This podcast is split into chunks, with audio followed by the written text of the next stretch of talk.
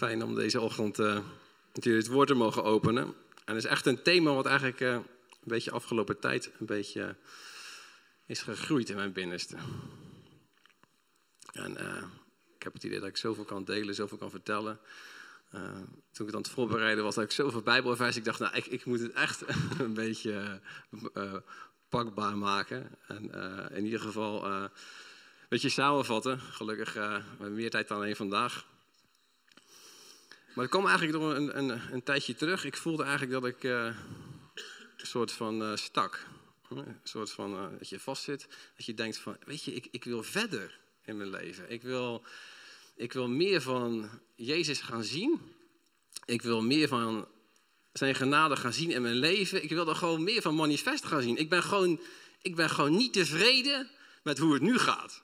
Dat was het eigenlijk, de bottom line. En dat bracht me eigenlijk op een, op een punt dat ik uh, ja, een beetje hopeloos werd. Hè? Dat ik uh, uh, dacht van ja, hoe, hoe kan dat nou? Ik weet, Heer, u, u, hebt gewoon meer voor mij in petto. U, hebt meer, u wil mij meer laten zien. maar waar zit nou de crux? Waar zit nou het probleem? Het antwoord was geloof. Geloof. Ontvang jij in geloof wat Jezus in genade al heeft gegeven. En ik dacht eigenlijk van, hmm, misschien niet altijd. nee, blijkbaar uh, weet ik niet hoe goed hetgene is wat ik heb ontvangen. En, en pak ik het op een of andere manier niet. En uh, dat kwam eigenlijk heel hard bij mij binnen.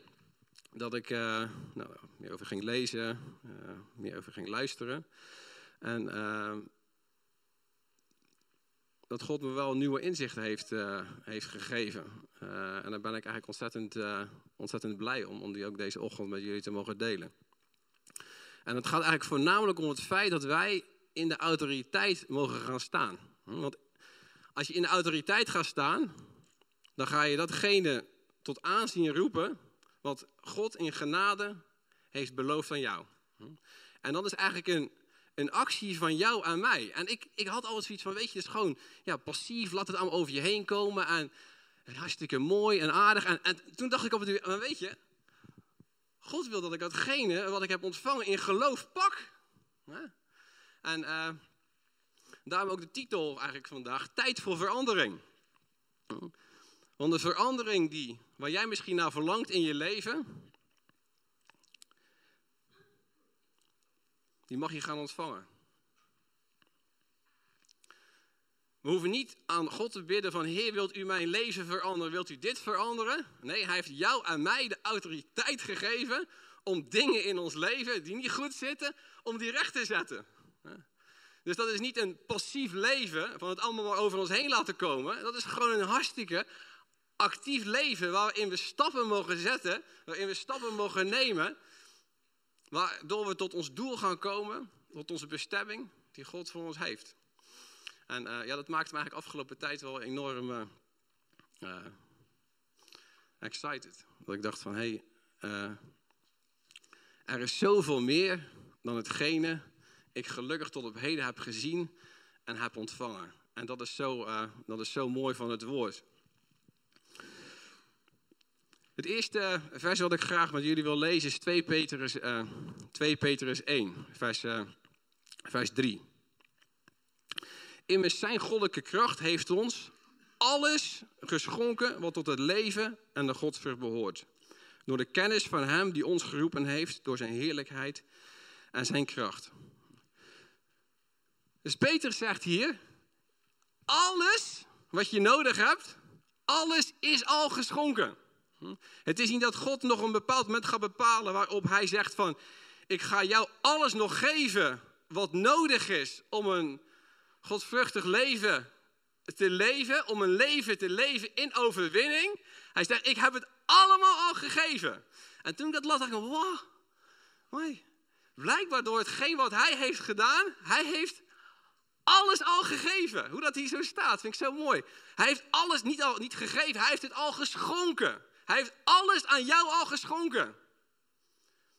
Dat is de genadeboodschap. Dat alles, aan, dat alles aan jou al geschonken is wat je nodig hebt.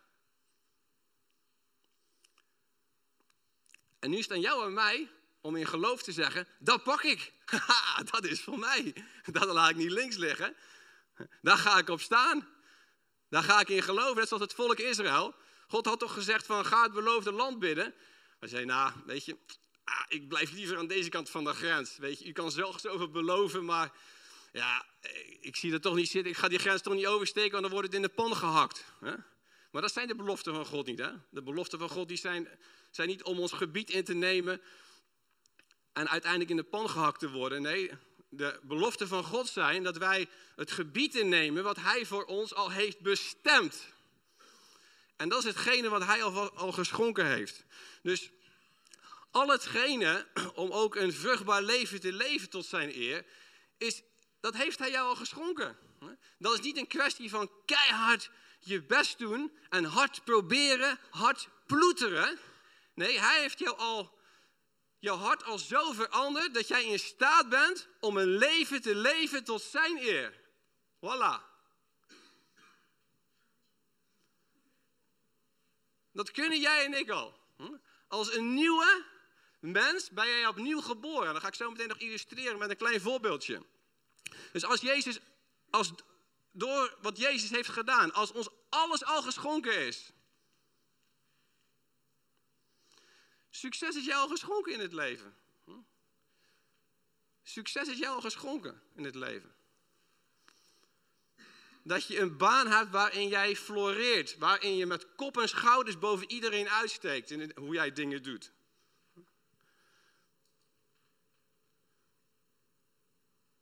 Dat je een geweldig gezin hebt. Dat je geweldige relaties hebt. Dat je een gezond en geestelijk leven mag leven. Dat je geestelijk en lichamelijk gezond mag zijn. Dat is jou al geschonken door wat Jezus heeft gedaan. Geschonken. Voltooid, verleden, tijd. Op een bepaald moment in de tijd is jou dat al gegeven. Dat is wel krachtig, hè? Dus het is niet iets wat wij voor hoeven te smeken keihard hoeven te vragen. En eigenlijk als we dan vragen, dan twijfelen we ook nog een beetje en denken van ja, als je iets vraagt, als mijn kind om een snoepje vraagt, dan weet hij dat hij ja en nee kan krijgen. En uh, als het uh, zo half vijf is in de middag en ze vragen, papa mag ik nog een snoepje? Ja, dan denken wij, dat is niet zo'n goed idee. Dan zitten er veel suikertjes in je, in je mondje, in je maagje en dan lust jij je eten niet meer. Hè? Dus als de kinderen iets vragen, dan is het ja of nee. Maar bij God is het van, je hebt het al ontvangen. Hoe heb ik het dan ontvangen? We gaan naar Colosse, Colossense 3. Als u nu met Christus opgewekt bent, dus hier spreekt Paulus tegen gelovigen. Als u nu met Christus opgewekt bent, en dat ben je als je in Jezus gelooft. Als u nu met Christus opgewekt bent, zoek dan de dingen die boven zijn, waar Christus is. Die aan de rechterhand van God zit. Bedenk de dingen die boven zijn en niet die op de aarde zijn. Want u bent gestorven en uw leven is met Christus verborgen in God. Jezus zit aan de rechterhand van God de Vader. Gisteren vroeg Joshua nog aan mij van, papa, waarom eigenlijk de rechterhand? Ik vond het wel leuk. Ik zei, ja, dat is, dat, is, dat is de plek van autoriteit. Dat is niet de linkerkant, dat is de rechterkant. Waar Jezus zit aan de rechterhand van God, want hij een plek, een positie heeft gekregen van autoriteit. Niet van passiviteit, van autoriteit. En als wij met hem gezeten zijn in Christus, dan hebben jij dezelfde autoriteit gekregen als dat Jezus had. En als dat Jezus heeft. Hij heeft als het ware de autoriteit die hij had en gezegd, dit, die, is nu, die ga ik nu delen. Die hou ik niet voor mezelf. Maar dat is zo mooi om die te hebben, die autoriteit. Maar ik ga die autoriteit met jullie delen. Met jullie allemaal. En nu is het aan ons om in geloof te gaan staan en die autoriteit te pakken. Want datgene wat we hebben ontvangen, dat willen we toch ook gebruiken, of niet? De dingen die boven zijn. Weet je, mogen ontdekken wie God is. En we mogen datgene gaan zien wat Hij ons gegeven heeft. En ik, ik zeg echt, strek je daarna uit. Strek je uit naar datgene wat God jou gegeven heeft. Wat God jou al geschonken heeft. Want het is misschien zoveel meer dan er in jouw gedachten, in jouw hart past. Maar God wil jouw gedachten groter maken, wil jouw hart groter maken, zodat je meer kan ontvangen van wie Hij is en wat Hij voor jou heeft gedaan. Maar bovenal wat Hij voor jou en mij beschikbaar heeft gemaakt. Hij zegt eigenlijk van, weet je, zoek de dingen die boven zijn. Zie dingen nou vanuit mijn perspectief. Niet vanuit je eigen perspectief, maar zie ze nou vanuit het perspectief hoe ik dingen zie. Als jij in Christus bent, dan zie je dingen vanuit Gods perspectief. Als je naar de mensen kijkt, als je naar jezelf kijkt, als je naar de wereld kijkt. Je hebt autoriteit ontvangen. En waarom? Omdat je met Jezus bent opgestaan. In Hem ben je gestorven. En je bent met Hem opgestaan. Niet tot een oud leven, maar je bent met Hem opgestaan in een nieuw leven. En met jouw oude leven heb jij niet afgerekend. Met jouw oude leven, dat proberen we nog zo hard. Hè? Weet je, we proberen zo hard om het oude leven af te rekenen. Maar dat is zo jammer van de tijd. Maar weet je, Jezus heeft er al mee afgerekend. Jezus heeft al afgerekend met jouw oude leven. En dan laat Jezus je niet in je oude leven zitten. Nee, dan zegt hij, nee, ik geef jou een nieuw leven. Ik geef jou een nieuwe geest. Ik geef jou mijn liefde. Ik geef jou mijn onvoorwaardelijke gunst. En ik ga jouw hart heerlijk lekker veranderen.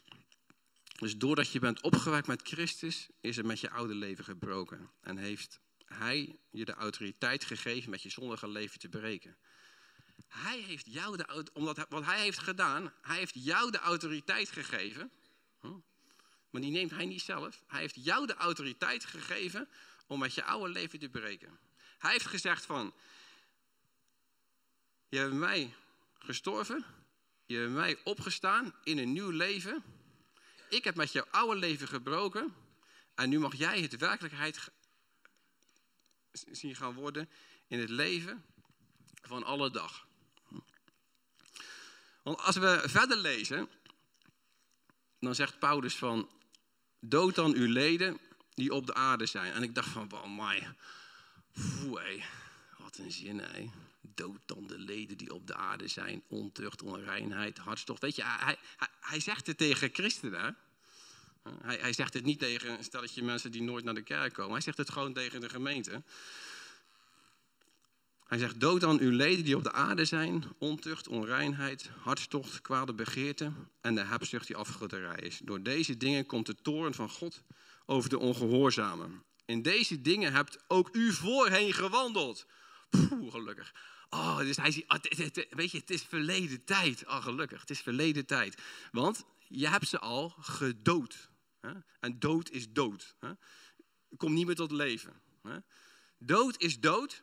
Je hebt je, met je oude leven is afgerekend. Hè? En hij zegt, als, je, als dit nog praktijk is in je leven, dood het dan. Kom aan. Je hebt de autoriteit gegeven om het te doden, om er niet in te blijven leven, om het gewoon te killen. Dat is wat ik wil. Maar nu legt ook u dit alles af, namelijk toorn, woede, slechtheid, laster en schandelijke taal uit de mond. Lieg niet tegen elkaar, aangezien u de oude mens met zijn daden uitgetrokken hebt. Dus wanneer we begraven zijn met Jezus, hebben we als, als het ware onze oude mens begraven. We hebben als het ware onze oude mens uitgetrokken. De oude mens, de zondige mens met zijn zondige daden. Ja, inderdaad. Ja, de oude mens met zijn zondige daden. Die, die is uitgetrokken, zegt hij.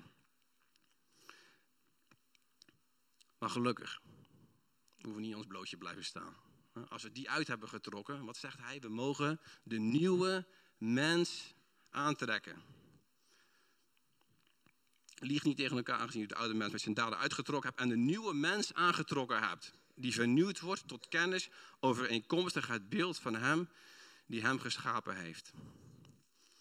Weet je, en God zal, ik zat zo te denken, God zal nooit iets vragen van je als hij je niet in staat stelt het te doen. Dus hij zal nooit zeggen, dood dan de leden die op de aarde zijn en alle, alle, alle, alle troep die we kunnen doen en alle troep waar we mee bezig kunnen zijn. Hij zal nooit datgene zeggen als hij jou niet in staat heeft gesteld het ook te doen. Maar hoe dan? Daar komen we zo meteen op. Maar jij bent hier de baas over. Je hebt de kracht en de autoriteit ontvangen. De oude mens uitgetrokken en de nieuwe mens aangetrokken.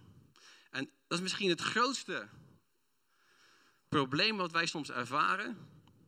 Het verschil tussen wie je bent en wat je doet. Daar zijn zoveel boeken over geschreven. En, en Paulus die heeft het er ook heel veel over in Romeinen. Het verschil tussen wie je bent en wat je doet. Want ik ben rechtvaardig, maar ik, ja, ik maak nog fouten. En weet je, dan gaan we, dan gaan we twijfelen aan wie we zijn, omdat wat, we kijken naar wat we doen. Denk eens over na. Verschil tussen wie je bent en wat je doet. Maar God zegt, weet je, je mag vernieuwd worden in je denken.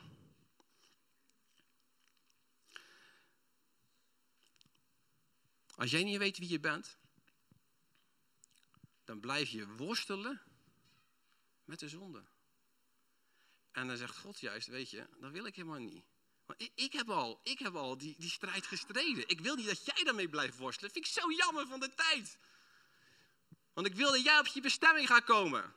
En op je bestemming komen in de vrijheid. Hm? Niet op je bestemming komen in de gebondenheid. Dan ga je niet komen. Je mag in je, op je bestemming gaan komen in de vrijheid. Weten dat je vrij bent van schuld, schaamte, oordeel. Weet je dat je rechtvaardig bent door het offer van Jezus.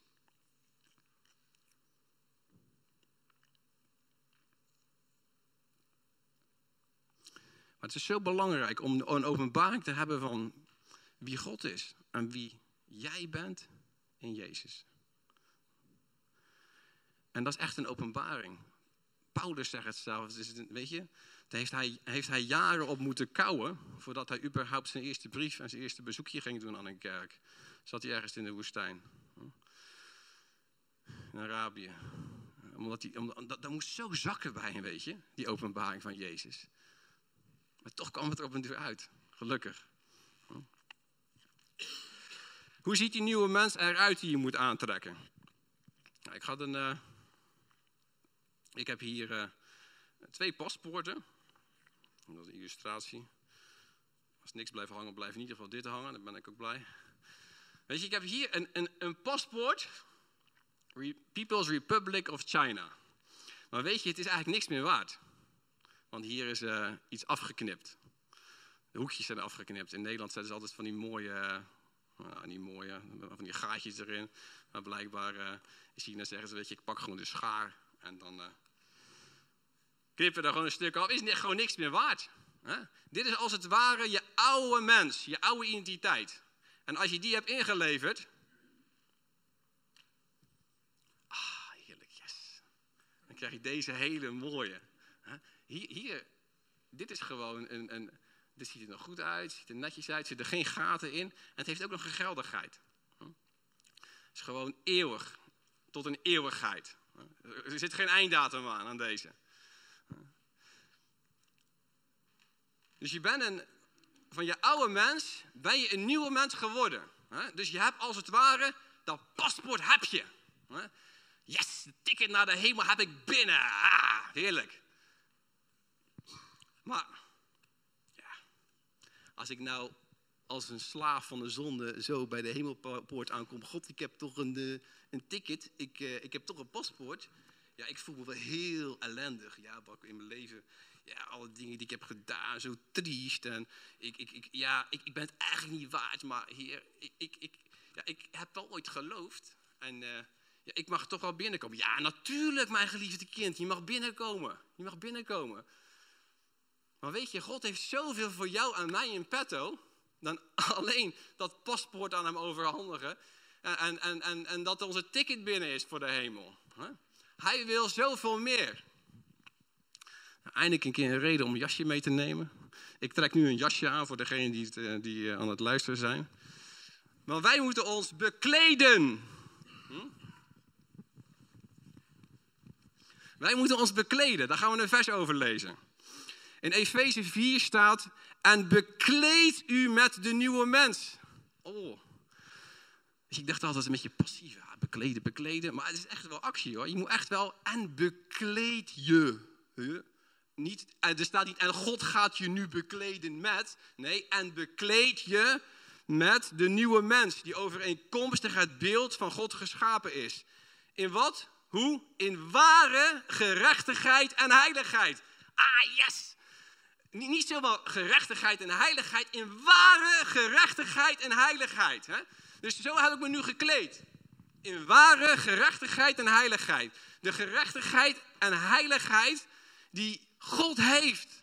En die Hij door Jezus aan jou en mij heeft gegeven. Dus als we. God ziet ons niet meer als mensen. Eh, die kijkt niet meer naar onze oude mens. Die kijkt naar onze nieuwe mens. En wat ziet hij daar? Hij ziet jou volmaakt heilig, volmaakt rechtvaardig. En nu komen we weer. Verschil tussen wie je bent en wat je doet. Vaak weten we niet wie we zijn. We weten niet dat we de ware gerechtigheid en heiligheid door Jezus hebben ontvangen. En als we niet weten dat we dat ontvangen hebben, kunnen we dat ook niet in geloof uitwerken in wie we zijn. En kan God dat ook niet in geloof uitwerken. Want je gelooft niet wat je bent. En als jij gelooft wat je bent, dan wordt het ook uitgewerkt in je leven. Zo simpel is het. Bekleed u met de nieuwe mens die overeenkomstig het beeld van God geschapen is. In ware rechtvaardigheid en heiligheid. Weet je, jij moet jezelf bekleden. God kan dat niet voor je doen.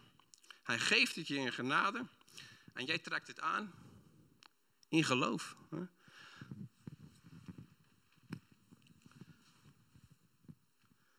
Luc, als God nou tegen jou zegt, als God nou tegen jij zegt, Luc, Luc, weet je, je oude mens is begraven.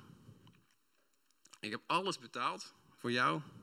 En nu heb ik hier, weet je, als je dit jasje nou aantrekt, dan ga ik jou zien als een volmaakt, rechtvaardig en heilig persoon. Blijf jij nou op je stoel zitten of zeg je, nee, dat wil ik. Wil ik ontvangen? Ja, trek het aan. Ja. En zo werkt het ook. Hij, ik geef het aan hem. Dat is de boodschap van genade. Het wordt aan je gegeven, maar je mag het wel pakken en aannemen in geloof. Hoef niet te twijfelen. Ik heb niet tegen Luc gezegd van, Luc, weet je, ja, weet je, er staat wel een tegenprestatie tegenover. En dat zou, de, zou menselijke redenering Er staat wel een soort van tegenprestatie tegenover.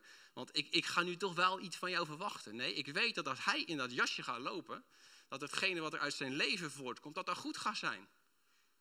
Ik heb daar geen twijfels over. Want hij heeft zich bekleed met wie Jezus is. En hoe God hem ziet, hoe God hem heeft geschapen. Naar het beeld van God geschapen.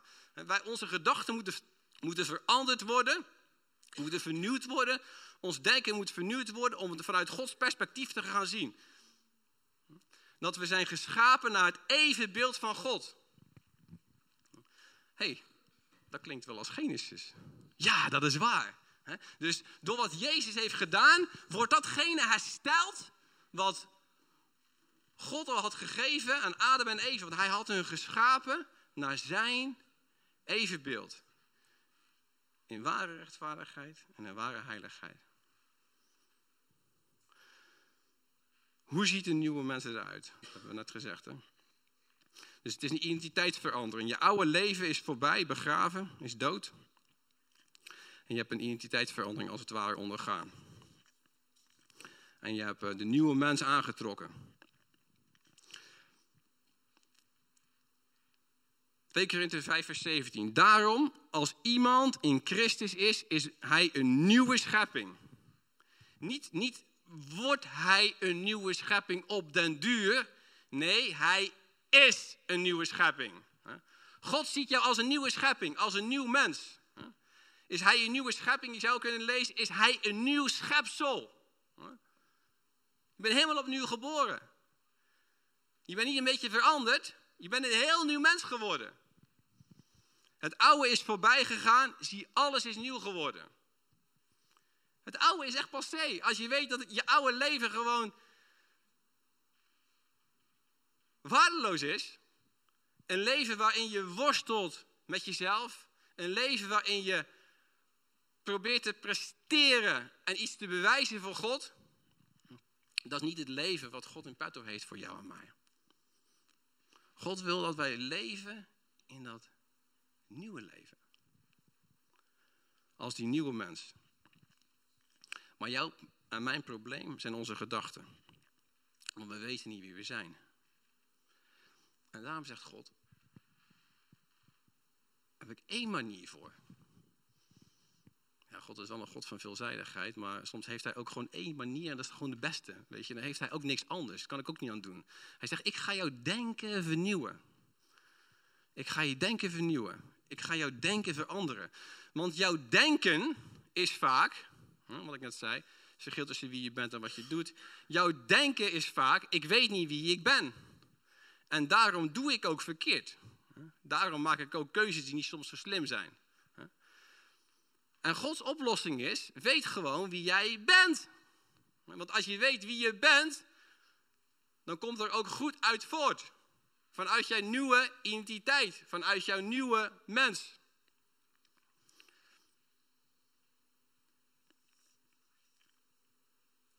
Straks gaan we nog kijken hoe, hoe jou aan mijn denken nou uh, vernieuwd kan gaan worden. Wat voor tools, wat voor handvaten God daar nou voor geeft. Ik ben wel eigenlijk gaan merken dat God best wel praktisch. Misschien uh, had ik die openbaring eerst niet. Ik weet in ieder geval dat ik hem nu meer heb. Ik vind eigenlijk het geloof heel praktisch geworden. Dat vind ik zo leuk. Weet je? Dat, is echt, er was zo'n uh, zo'n openbaring een paar twee maanden geleden. Gewoon, wow, het geloof is zo praktisch, man. Dat is echt zo leuk. Het is gewoon, ja, gewoon allerlei dingen die je ziet overdag, die je doet, die je bedenkt. Eh, en misschien is, is heel veel dingen wel uh, te veel theorie geweest. Dat zou kunnen. Dat wil ik best wel zeggen hoor. Ik heb nu beter, ik heb nu meer en daar ben ik gewoon happy mee. Maar ik weet dat het geloof zo praktisch is. Ik weet dat het geloof jou en mij zo enorm kan veranderen. En een verandering, is best praktisch. Een verandering is gewoon de realiteit van iedere dag. Hoe werkt het nieuwe leven nog meer uit in het leven van iedere dag? Colossense 3, vers 12. Staat, kleed u zich dan als uitverkorene van God, heiligde, geliefde, met innige gevoelens van ontferming, vriendelijkheid, nederigheid, zachtmoedigheid, geduld. Verdraag elkaar en vergeef de een de ander als, de, als iemand tegen iemand anders een klacht heeft, zoals ook Christus u vergeven heeft. Zo moeten we ook doen. Weet je, het is niet moeilijk. Als je weet dat je zelf vergeven bent, is het toch heel makkelijk om een ander te vergeven. Als je niet weet dat je zelf vergeven bent, dan is het echt heel moeilijk om een ander te vergeven. Maar als je weet dat jij vergeven bent en dat jij vergeving ontvangen hebt, dan is het heel makkelijk om een ander te vergeven. Dat is geen opdracht. Dat is geen uh, opgave. En kleed u zich boven alles met de liefde die de band van de volmaaktheid is. En laat de vrede van God heersen in uw harten, waartoe u ook in één lichaam geroepen bent. En wees dankbaar. Wow, die laatste wil ik even bij stilstaan. De vrede in jou en mijn hart. Dat is zo belangrijk. Hm? Als je een keer misschien geen vrede ervaart, hè, dan kan dat soms best wel eens een reden hebben. Dat je denkt van, heer, u, u wil blijkbaar misschien wel iets nieuws tegen mij zeggen. Een, een nieuw stuk openbaring geven. Uh, wat, wat, wat mijn denken vernieuwt, waardoor ik, waardoor ik gewoon die vrede in mijn hart, uh, vrede met u weer lekker heerlijk mag omarmen. Wat er staat, laat de vrede heersen in je harten. Nou, heersen, dat is eigenlijk niet zoiets van, uh, nou, laat de vrede een beetje aanwezig zijn in je hart. Laat de vrede heersen. Overvloedig zijn. Laat de vrede vooruitgaan. Laat de vrede uh, regeren in je hart. Laat de vrede de boventoon voeren in je hart. Laat je vrede niet wegnemen. Laat de vrede die je hebt ontvangen niet wegnemen. Soms kunnen er allerlei dingen gebeuren in ons leven, kunnen omstandigheden zijn. En als de vrede dan weggaat, dan denkt de duivel, yes, haha, dan wordt die persoon zo onbruikbaar en zo miserable. En dan voelt hij zich zo ellendig, dat vind ik zo fijn. Daarom staat er, laat de vrede heersen. De vrede die, door, die jij door Jezus hebt ontvangen, laat die heersen in je hart. Laat dat je focus zijn, want dan regeert het ook in je hart. Laat je vrede niet afpakken door mensen, door dingen die ze zeggen, door dingen die gebeuren. Jij en ik hebben de autoriteit ontvangen om daar boven te staan. Laat je dat je gek maken door mensen die, uh, die dingen tegen je zeggen. Kom aan, dat is totaal niet nodig. Of je laat je dan niet gek maken door wat je denkt dat mensen van je vinden. Maar misschien nooit gezegd hebben, maar het zit zo negatief in je hoofd dat je denkt van ja, die vindt mij niet aardig.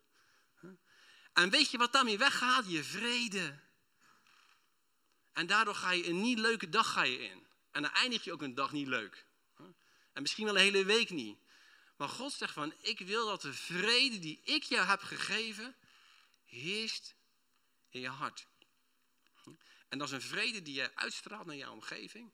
Dat is een vrede die jou in beweging zet. Dat is een vrede waardoor je anderen mag liefhebben. Dat is een vrede waardoor je uh, het op kan brengen om geduldig te zijn naar anderen. Dat is die vrede. De Bijbel zegt van de, de, de vrede van God, die gaat alle verstand te boven. Inderdaad. Want dan, dan, dan gebeuren dingen in je leven en dan zeggen mensen, hoe kan je nou nog vrede hebben? Dat kan ik niet voorstellen. Weet je, zulke dingen zijn er gebeurd. Hoe kan je nou nog vrede hebben? Nee, inderdaad.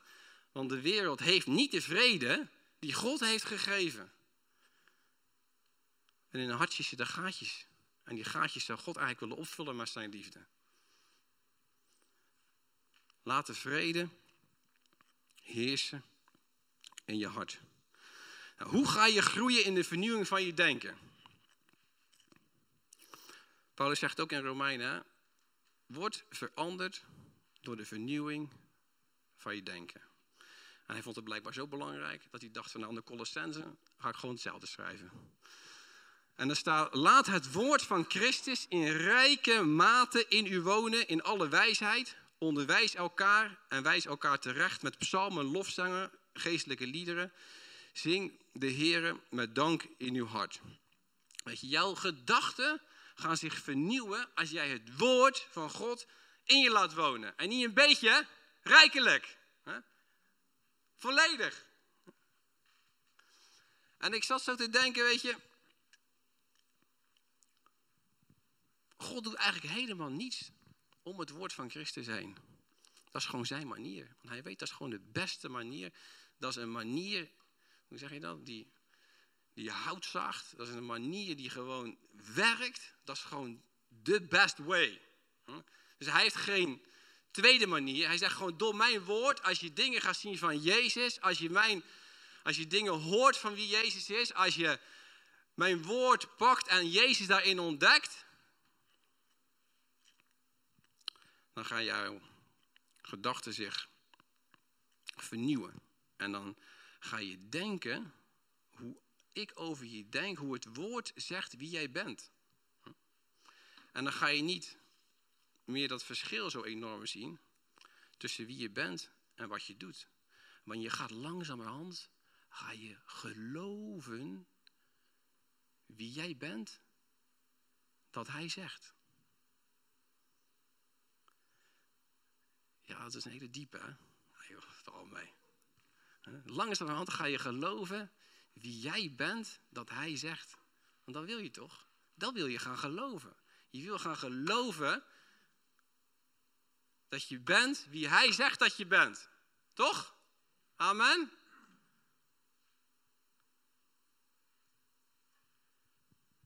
Maar vernieuwing van je denken is gelukkig niet iets Oh nee, ik had nog een leuke. Uh... oh ja, laat het rijkelijk in u wonen. Het, uh, uh, dus als als het rijkelijk in je moet wonen, is ook het advies om veel tot je te nemen. Ah, ja. ja. Ik heb ook heel vaak hoor, dat ik de Bijbel als plichtbesef heb gelezen. Dat ik denk van ja, heer, uw genade is zo groot, er komt vast nog wel wat uit. Een soort van, uh, soort van spons. En, en, en, dan dacht ik van, ah ja, toch komt, er wel wat, toch komt er wel wat uit, toch komt er wel weer een stukje nieuwe openbaring. Maar toch heb ik ontdekt dat hoe meer je van Jezus tot je neemt, en echt waar hoor, ik kan er niet omheen, het, het, het woord van Jezus maakt je zo enorm vrij.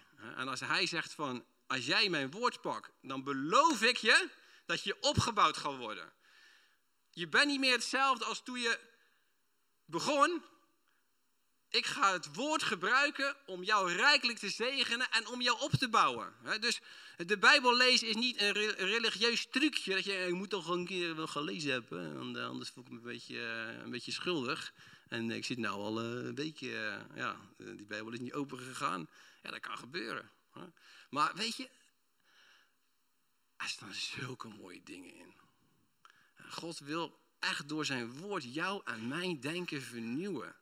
En alleen door die vernieuwing van jouw denken gaan er ook andere, gaan er ook processen beginnen in je leven van nieuwe inzichten, nieuwe openbaring, uh, nieuwe gedachten, uh, een toename van vrede.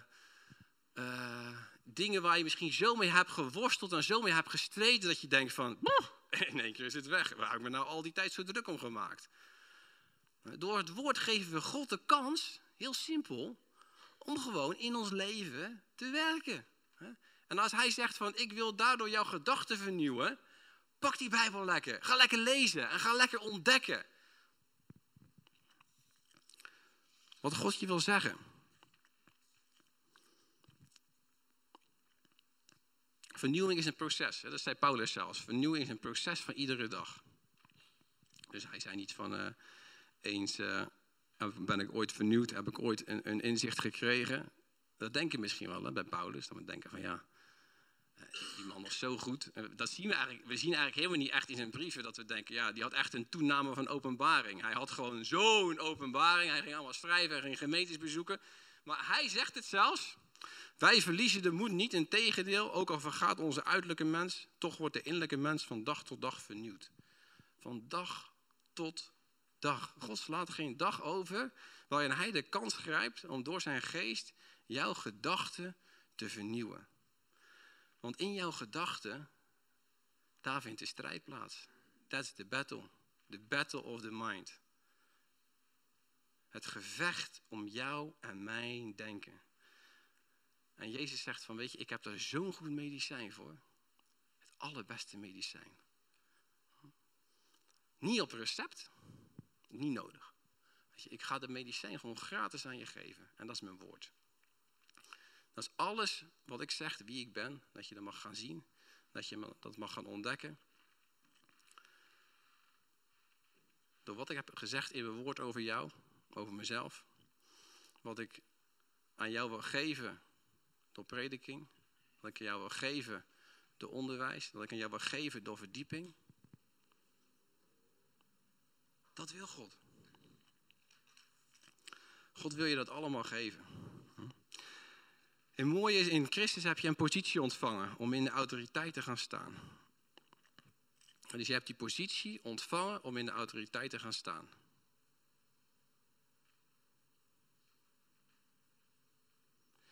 Maar het is in jou en mij om in geloof te gaan staan en onze autoriteit ook lekker te gaan gebruiken.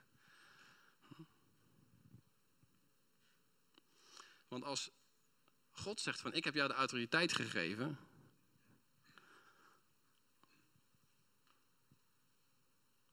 Dan zegt hij niet van nou geef mij maar weer, geef mij maar de autoriteit en dan, dan ga ik het wel allemaal voor je regelen.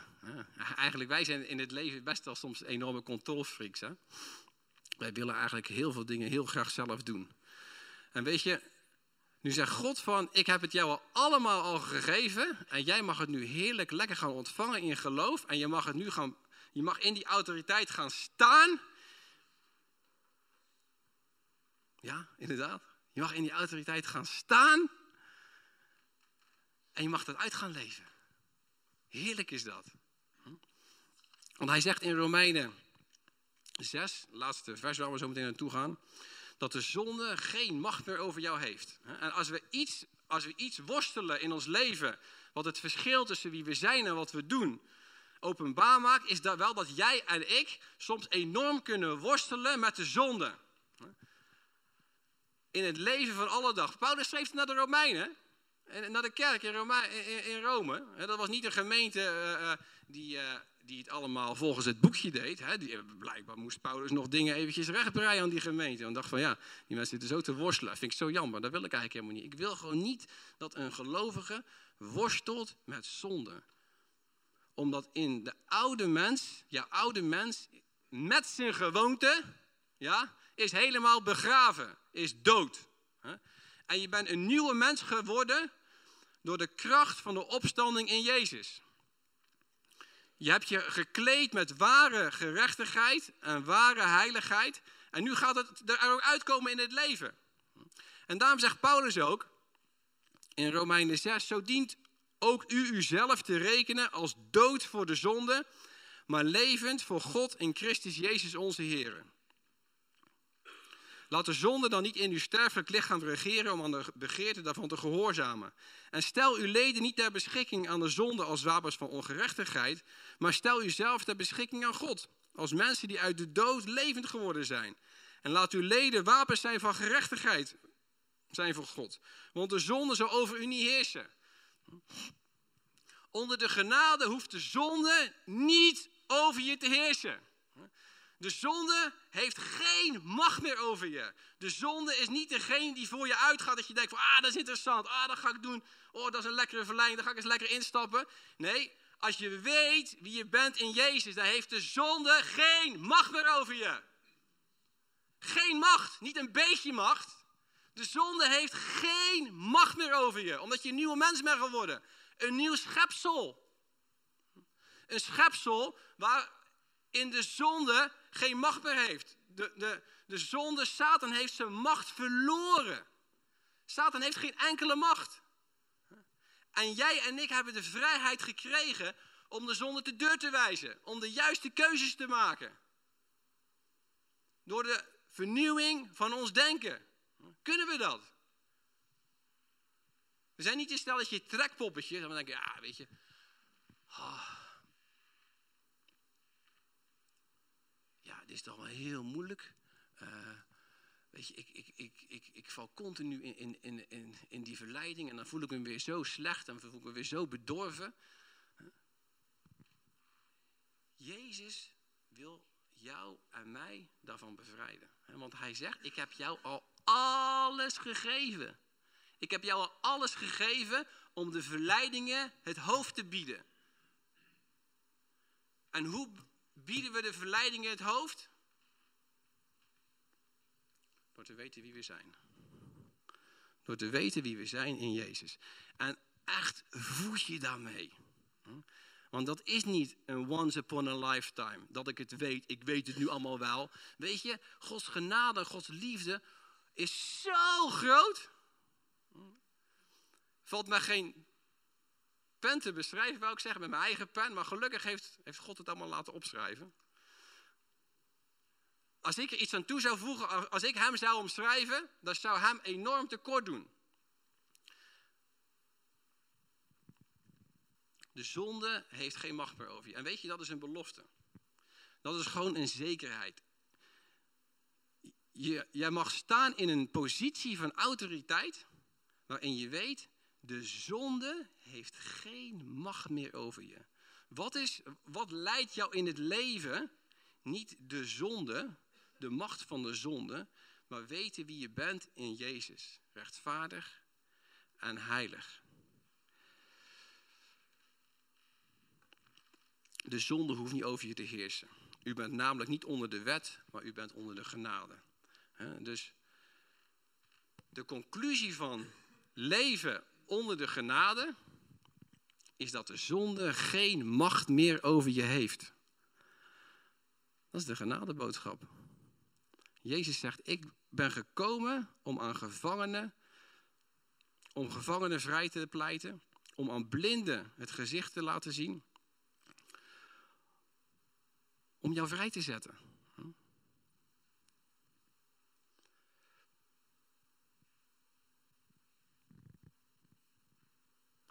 En dat is de genadeboodschap. dat hij zegt, door wat ik heb gedaan aan het kruis, in genade, mag jij datgene ontvangen in geloof. En wanneer jij het evangelie hebt begrepen, wanneer jij weet dat Jezus, dat je met Jezus helemaal gestorven bent, dat je oude mens helemaal begraven is, wanneer je een volledig nieuw mens bent geworden, wanneer je Jezus helemaal hebt omarmd en zijn genade helemaal hebt ontvangen, dan zegt hij van, weet je, als dat de realiteit is in je leven, weet je hoe dat uitwerkt? Heeft de zonde geen macht meer over je. Dat kan niet. Die twee kunnen niet samengaan. Je kan niet een totale nieuwe schepping zijn en dat de zonde nog steeds de macht over je hebt. Want weet je, de genade heeft de macht over jou.